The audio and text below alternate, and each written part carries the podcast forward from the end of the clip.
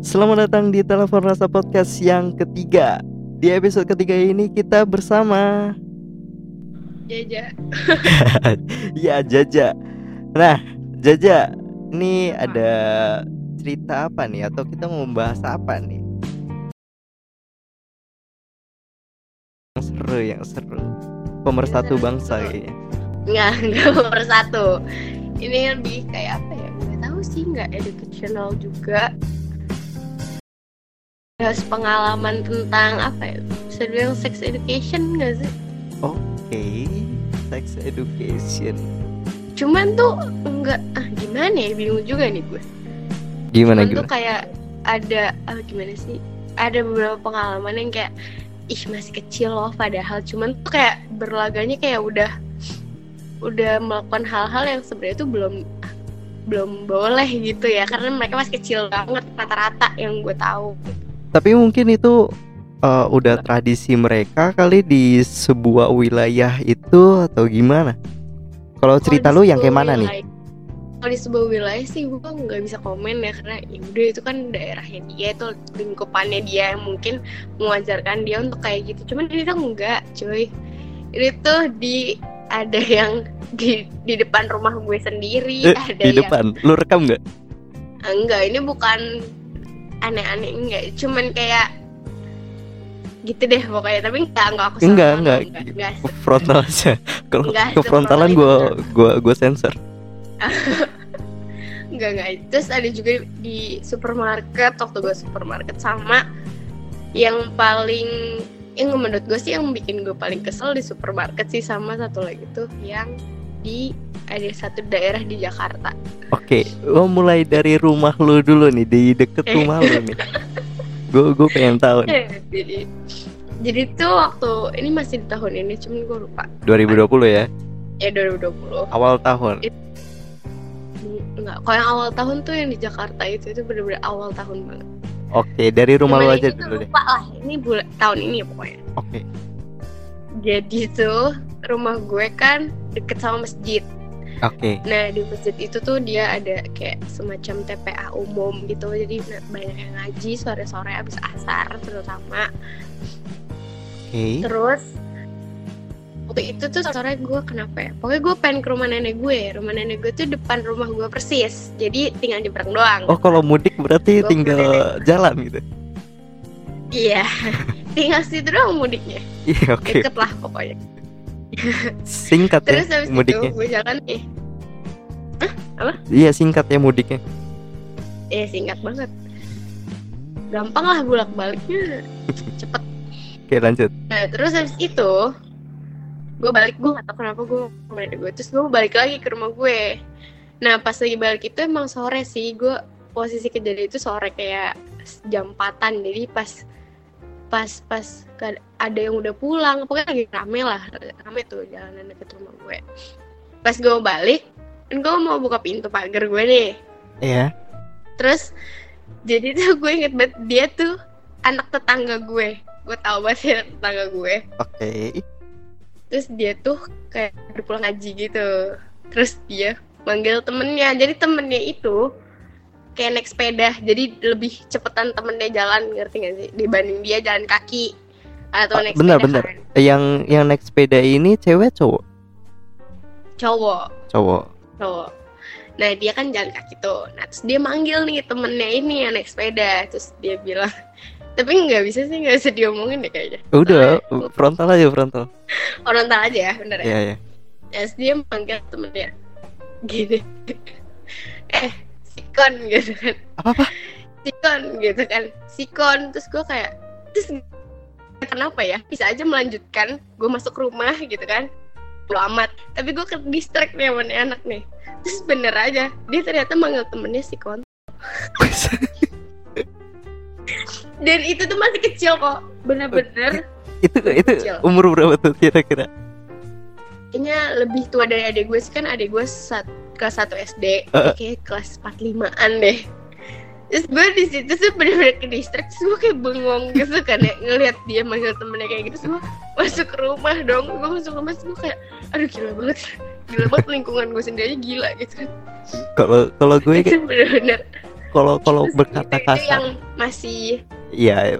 eh, lumayan sebenarnya enggak ya parah sih untuk untuk anak segitu ya lanjut lanjut. Lanjut lanjut. Terus habis itu yang mana ya? Yang kedua Jakarta, Jakarta. dulu deh Jakarta dulu. Karena ini gue kaget gue kaget. Jadi semua orang pasti tahu pada tanggal 1 Januari Jakarta tuh lagi banjir Banjir. banjirnya. Nggak Jakarta doang Bekasi juga. Lagi. Bekasi nggak juga Jakarta doang sih Bekasi juga pokoknya Indonesia sedang berduka lah gitu kan di awal tahun nah pada saat itu emang sedih banget sih buat karena di awal tahun jadi waktu awal tahun kan emang lagi apa ya banjir semua tempat banjir hujan nggak berhenti berhenti ya kan Ah, ah. Nah, pas awal tahun itu juga tuh hal yang momen yang paling sedih sih buat gue karena gue kaget banget. Karena sepupu gue meninggal di situ karena karena karena fenomena itu. Asik fenomena. Maksudnya karena banjir itu sepupu gue akhirnya meninggal. Turut berduka? Iya. It's okay it's okay, it's oke. Okay. so banget gue ngomong it's okay. Gue siapa? Oke. Terus habis itu jadi ya pada hari itu tuh gue bener-bener pertama kali gue ke daerah Kemayoran oke. Seumur hidup gue gue baru pertama kali ke Kemayoran dan baru pertama kali ke rumah dia. Ah. Jadi di pas itu kan banjir bener-bener jalan keluar gang gue aja tuh banjir gitu. Dan ha- mobil mobil yang tinggi lah yang harus bisa ke sana itu singkat cerita gue sampai sana itu banjir banget dong karena Kemayoran itu itu lingkupannya yang kayak jalannya kecil banget gitu loh tau gak sih? Hmm, tahu, tahu, tahu. bisa buat motor. Iya yang ya rumahnya di situ lah pokoknya. Hmm. gue tuh lagi berusaha jalan di tengah ke banjir jadi banjir itu kok waktu itu sebetis gue sebetis gue. Sebetis gue jalan nih gue tuh jalan gak sendiri loh. Gue jalan sama tante gue. Oke. Terus depan gue ada om gue gitu kan. Terus itu gue gak sendirian. Oke rame ya. Rame ya rame Hmm. gitu kan. Lagi berduka juga cuman gue berusaha tetap gak apa-apa gitu kan. Jalan lah gue jalan. Pelan-pelan menyusuri banjir. Tiba-tiba gak tahu kenapa nih ada nggak emas-emas sih kayaknya se- sepantaran deh. Apa lebih apa lebih kecil eh apa lebih kecil? Apa lebih muda setahun apa gimana? Tapi tuh nggak lebih tua dari gue. SMA kelihatannya dari mukanya. kelihatannya muka SMA Ya, mungkin ya seumuran lah. Oke. Gue tuh gue ngerasa gue pakai baju biasa aja. Gue pakai baju panjang tau gue pakai kardigan panjang gitu lah. apalagi lu hijab kan? Apa? lu hijab kan? Iya gue hijab. Alhamdulillah ya. Alhamdulillah terus tiba-tiba gue kenapa gitu? Gue oh diginiin gitu oh apa Terus- namanya? Cat apa? Catcalling eh cat calling. catcalling itu. Gue nengok dong karena gue merasa apaan sih? Ini gue sebelah gue udah tante gue depan gue om gue belakang gue juga om gue lu berani aja? Gitu kan. Mungkin dia sut sut sut tante lu iya gue nggak tahu deh gue kayak om gue kayak lisetin gue nggak tahu tuh. Gue nengok. Gue nengok ke dia. Terus tau gak dia ngomong apa? Tapi ngomongnya tuh nggak pakai suara tau nggak? Kayak bibir dong gitu kayak cuma Ah. bergeming gitu. iya. Dia bilang ya yuk. Gitu anjir. Asli apaan gue sih? bener-bener apaan sih? Absurd banget. Kenal aneh enggak? gak sih itu bener-bener aneh. Itu kondisi lagi banjir cuy lagi banjir. Gue menyusuri banjir untuk ke rumah saudara gue yang secara tiba-tiba nggak ada dengan reasons yang masih belum bisa diterima mungkin ya. Terus dia kayak gitu. Apaan bener-bener sih? kayak aduh apa ini gitu gue bingung banget lupa itu gue sampai kayak aduh gitu kan. Lu lu nggak bereaksi sendal terbang gitu nggak bisa nggak sempet. Karena singkat gue nih ya saking gue buru-burunya gue pakai sendal bapak gue lebih Itu sakit ya kalau kejadian dilempar tuh. Lagi panik banget. Terus Enggak itu gue bener-bener ya udah. Untung dia tuh nggak ada suaranya jadi tuh nggak bisa juga gue bereaksi ngerti gak sih? Cuman bergeming doang gitu loh nggak yang kayak secara terang-terangan ngomong kayak Hmm. gitu gitu. Jadi kayak ya udah gue lupain aja. Cuman yang bikin sedihnya lagi kan pada saat itu tuh setahu gue lampu mati sinyal hilang pokoknya parah banget deh seharian itu tuh bener-bener gue nggak bisa cerita apa-apa apa yang terjadi sama gue Cuman gue bingung nih. Misal eh, ada cowok yang cat cat apa? Walking eh kok cat walking sih? calling Cat calling ya. Cat Iya. calling ke cewek. Eh misal di tempat umum. Itu kenapa gue bingung deh. Kenapa cewek nggak langsung teriak or gertak cowoknya? Tapi diem dulu. Terus kalau nggak diem eh pergi ke tempat jauh baru nangis atau enggak ngechat temennya gitu. Gue kan bingung ya kenapa nggak langsung to the point gitu?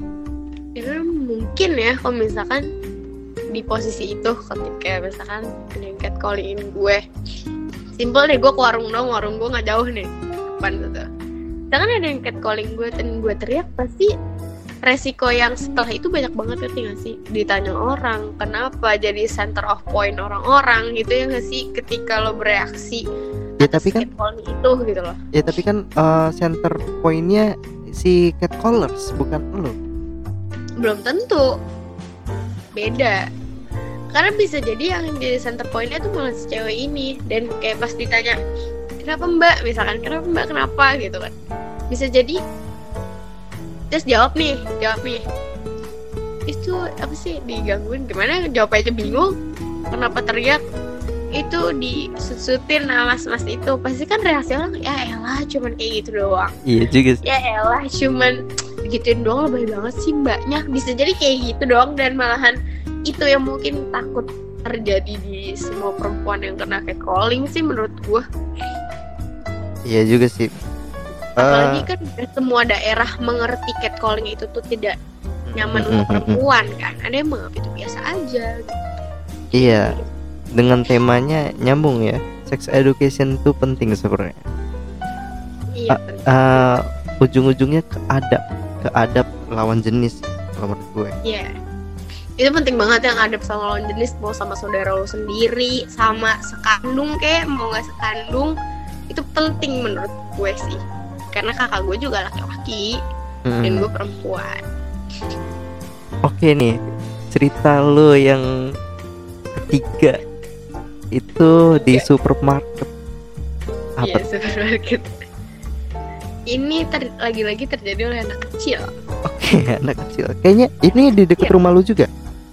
Enggak, supermarket salah satu supermarket di Bekasi lah. Oh, oke. Jadi gue biasa lagi belanja bulanan ya kan. Terus nemenin nyokap tuh. Nah, gue tuh pernah nggak sih nggak tahu nggak tahu kenapa momennya itu tuh sebelum gue ngeliat si anak kecil ini kayaknya anak kecil ini tuh saudara deh kakak beradik cuman si yang perempuan lebih tua Oh, adiknya oh, oke. Itu eh, apa namanya? S- Apa? sekitar SD. Gak ngerti kayaknya SD kayaknya juga adiknya baru SD kelas 1 Kecil banget ya. kelas 1 iya kelas 1 kelas 1 kelas 2 kakaknya paling kelas 4 kelas 5 Ah, Oke. nah terus em, dari awal masuk supermarket gue emang udah pernah ngeliat anak kecil nih dari gue masuk supermarket ini cuman pas di apa sih namanya kan ke supermarket kayak kebelah-belah gitu ya celah-celahnya nih Ah, lorong-lorong gitu. Lorong-lorong gitu lah nah tiba-tiba ketemu lagi sama gue di lo di tempat yang buat perawatan tubuh wajah gitu lah Hmm. gue tuh lagi gue tuh kalau ngambil barang tuh lama banget kayak milih dulu gitu kan. Iya, iya. hmm, gitu. Terus tiba-tiba nih anak nih anak nih si adiknya terutama si adiknya kan laki-laki. Adiknya tuh kayak bercandanya itu kan kalau umur segitu bercandanya mah kayak lucu-lucu gitu ya. Ini tuh enggak bercandanya emang sudah bahasanya udah bahasa orang dewasa. Contohnya. Sebenarnya gimana? Ya pada saat itu gue lupa deh dia bercanda apa cuman tuh kayak tahu gak sih anak ABG ABG yang laki-laki yang suka jail-jailin? Itu kan dilakuin ketika ABG kan? Cuman itu dia masih masih SD masih jail jail gimana maksudnya gimana ya gue susah deh kayak ketawanya aja tuh kayak susah deh dari dari fig ah, figur dari tutur katanya juga beda bukan tutur kata anak kelas 1 SD yang yang gue tahu gitu loh. Oke. Terus dia bercandain kakaknya dia itu bercandain si kakaknya cewek ini mulu. Terus ada poin di mana nggak tahu kenapa lagi gue ke distract dia banyak berdua jadi tuh gue ngeliatin mulu terus habis itu itu jeleknya gue udah suka ngeliatin orang aneh-aneh.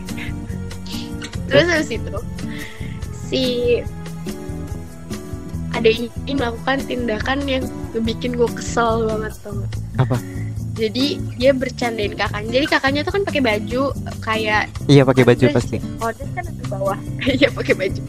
Kalau dress kan sampai bawah. Nih nggak sampai bawah kok. Sampai cuman selutut doang. Berarti sampai atas sih eh, gimana sih? Anak kecil biasanya suka dipakai.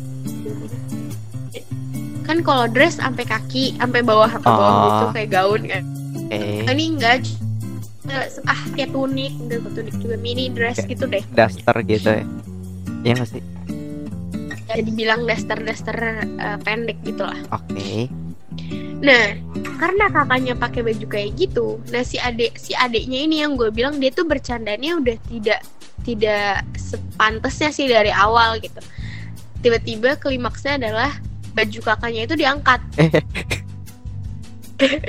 baju kakaknya itu diangkat, terus celana dalamnya diturunin Eh. sama adiknya. eh eh terus kakaknya nggak ada respon eh apaan sih situ, Absurd banget padahal kakak ade loh gue juga di situ tau nggak muka gue tuh kayak nyep udah kepen marah gitu loh gara-gara kayak itu gak lucu gitu. gue gue sih shock sih. pasti kalau gue jadi lu gue shock kayak oh gitu. Gue udah marah gitu shock terus marah gitu. Terus celana dalamnya kan diturunin. Nah di situ tuh ada papa mamanya karena gue denger si kakaknya ah adanya tuh kayak gitu nadanya. Oke. Nah adanya tuh iseng banget tapi mama sama papanya tidak menggubris apa-apa atas kejadian tersebut. Aduh. Maksudnya kayak menganggap itu biasa aja. Nah dari situ gue tuh ngerasa sih harusnya tuh dikasih tahu ini loh nggak boleh nggak boleh loh kayak gini. Walaupun kakak kamu perempuan walaupun kalian saudara sekandung nggak boleh loh kayak gini. Ih. karena tau gue aja kalau udah 10 tahun nggak boleh tidur bareng gitu kan. Iya iya. Ih, padahal peran orang tua itu penting banget loh. Kayak misalkan khususnya eh, jika orang tua punya anak cewek gitu harus Iya. edukasi. Misalkan eh, kamu kalau dipegang eh kamu kalau ada yang mau megang bagian ini ini ini gitu iya. jangan ada eh, Teriak. iya teriak kayak ya, apa?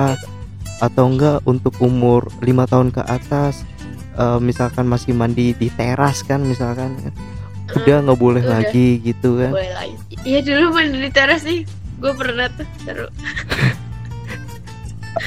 Umur tapi teras gue ketutup Eh, gue tuh tinggi gitu nggak yang iya bisa ngelongo orang gitu. Iya tapi kan oh, untuk eh, misalkan orang yang di luar sana yang misalkan rumah sama kamar mandinya terpisah gitu kan itu masih banyak aja kayak emaknya bawain handuk tapi anaknya ditelanjangin gitu aja kan walaupun masih kecil itu jadi kebiasaan Iya. yang besar gitu kan? Bener banget sih sebenarnya. Harus dari kecil karena gue ngerasa segala sesuatu harus dari kecil dikasih taunya gitu loh. Nah, harusnya lagi pada momen kayak gitu tuh harus bener-bener dikerasin kayak enggak enggak boleh kayak gitu. Apalagi tempat umum kan kalau di rumah lu terserah deh sumpah demi allah. Kalau di rumah lu terserah. Cuma ini di supermarket bu parah banget ya allah itu aduh nggak bisa ngomong lagi gue bagaimana gue kalau orang kan belanja ada ada catatannya ya. Gue kagak ada bisa kayak ih gue harus gini. Itu jadi lupa cuy mau gue mau ngapain lagi ya? Iyalah gue gue juga shock gitu. Dan gak sih gue gatel banget pengen negor. Karena itu depan gue banget kan dia narik bajunya Ngangkat bajunya. Pengen gue bilang Eh gak boleh pengen gue gitu. Tapi gue siapa aja? Ntar gue dimarahin maknya yang ada iya sih. Tapi sebenarnya pentingnya itu eh didik anak dari kecil supaya kan penyakit manusia kan eh, ada yang aneh-aneh lah. Contohnya Iya. pedo gitu kan. Pedofilia nafsunya sama anak kecil kan. Kalau orang eh, si adik kakak itu ketemu pedofil kan bahaya. Bahaya banget sih bahaya banget. selain pedofil juga kan kalau pedofil kan udah dari luar lingkup yang mereka ngerasa nggak bakal terjadi di keluarga mereka lah gitu kan. Bukan dari keluarga ini sendiri. Cuman yang lebih gue takutin selain pedo kalau pedo kan lo bisa menyalahkan si pedofilia itu Iya. dong. Kayak hanya dia nih dia pedofilia gini-giniin anak gue misalkan. Iya. cuman yang lebih menakutkan lagi buat gue adalah ketika si ade laki-lakinya itu dewasa sih remaja dewasa iya. bakal Iya, jadi sama kakak perempuannya kayak gitu. iya benar benar benar Apalagi benar sama. Ah, kan. Bisa-bisa tuh. Nah. Gak tahu apa. oke kita closing lu punya saran gak ya bagi pendengarnya pendengar kita Pesan gue sih gak tahu karena gue belum dewasa, belum punya, belum jadi orang tua.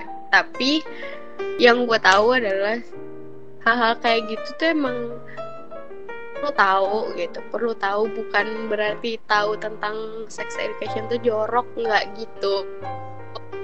Oh biar kita tuh dibodoh-bodohi oleh orang-orang yang tidak bertanggung jawab. Terus juga biar apa ya biar punya kalau masih kecil tuh kayak tahu batasan dia tuh bolehnya gimana. Nggak bolehnya kayak gimana. Kalau gue begini tuh salahnya gue bakal diapain ya gitu loh